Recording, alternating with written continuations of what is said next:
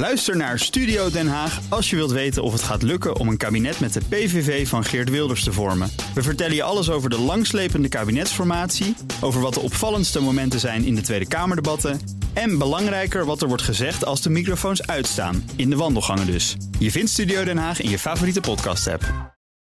Kwart over negen Mobility Update. gaan we wat dieper kijken naar die cijfers. Nou, Broekhoff van Mede Mobility, goedemorgen. Goedemorgen, hoi.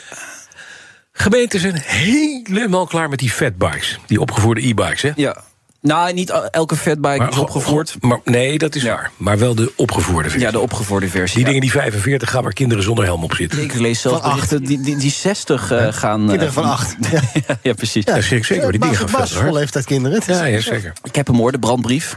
Gloeiend heet. Ehm, eh, onder leiding van eh, de gemeente Amsterdam. En, Ik hoorde en alarm ringelen. Ja, ja de, de noodklok luidt. Oh ja. Het wordt ondersteund door ruim 40 gemeenten, deze brandbrief. Het gaat om opgevoerde elektrische fietsen. Maar inderdaad, die, die fatbikes, daar, daar ja, gaat het wel echt over. Ja. Eh, het rijden op een opgevoerde fiets op de openbare weg is verboden, maar het opvoeren zelf niet. Dus die opvoersets die kun je gewoon kopen. En dat is natuurlijk heel erg krom.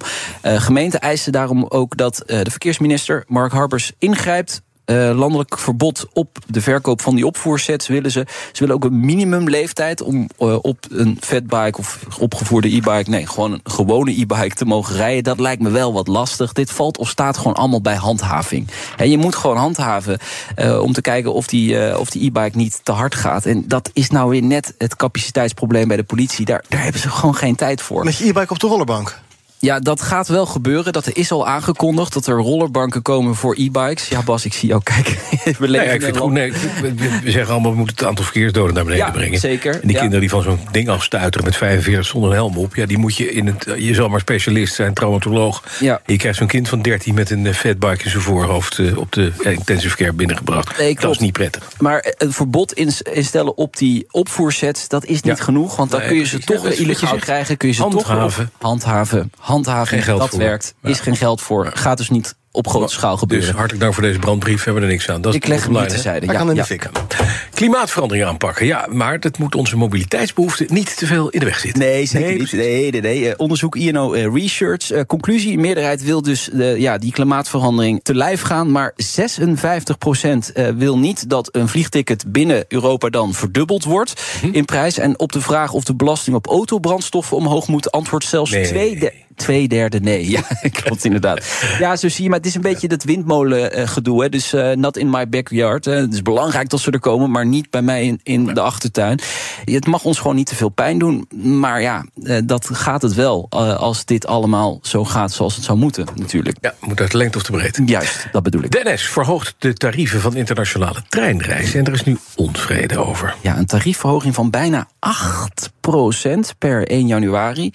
Eh, dat schiet in het verkeerde keelgat van de coalitie Anders Reizen. Dat is een samenwerkingsverband van bedrijven op het gebied van mobiliteitsbeleid. Ja, ook wel bekend, denk ik. Nou, het bedrijfsleven wil zakelijke reizigers graag uit dat vliegtuig hebben en in de trein. Maar het verhogen van de ticketprijzen Zorgt er niet voor dat iedereen massaal uit het vliegtuig komt? Nee, inderdaad. Eh, vooral bij internationale reizen zijn die kosten toch nog echt wel belangrijk. Eh, bedrijven willen best wel wat meer betalen voor een duurzame reis. Maar er is natuurlijk wel een grens. Ja. En het prijsverschil loopt hiermee toch weer wat terug. Dus ja. Maar de Tweede Kamer had, hoe je het zou de kunnen Tweede. Kamer had toch besloten dat treinkaartjes niet duurder mogen worden?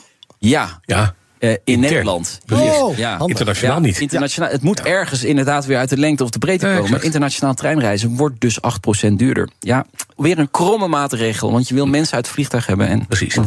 Nog even naar deze, want als je kinderen van e-bikes af wil hebben... dan Ja. moet je ze gratis openbaar vervoer geven.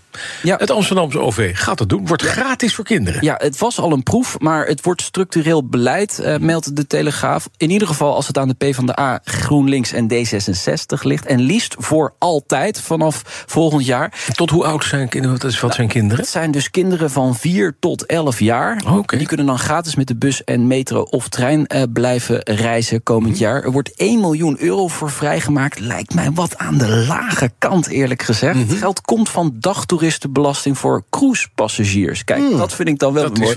zijn die vieze grote schepen die hier Ja, eh, in het ei Die betalen liggen. voor gratis op- OV voor kindertjes. Juist, dat Mooi. vind ik dan wel weer mooi. Ja. Ja, het OV is gewoon weg eh, erg duur. zeker voor gezinnen, zeggen ook deze partijen.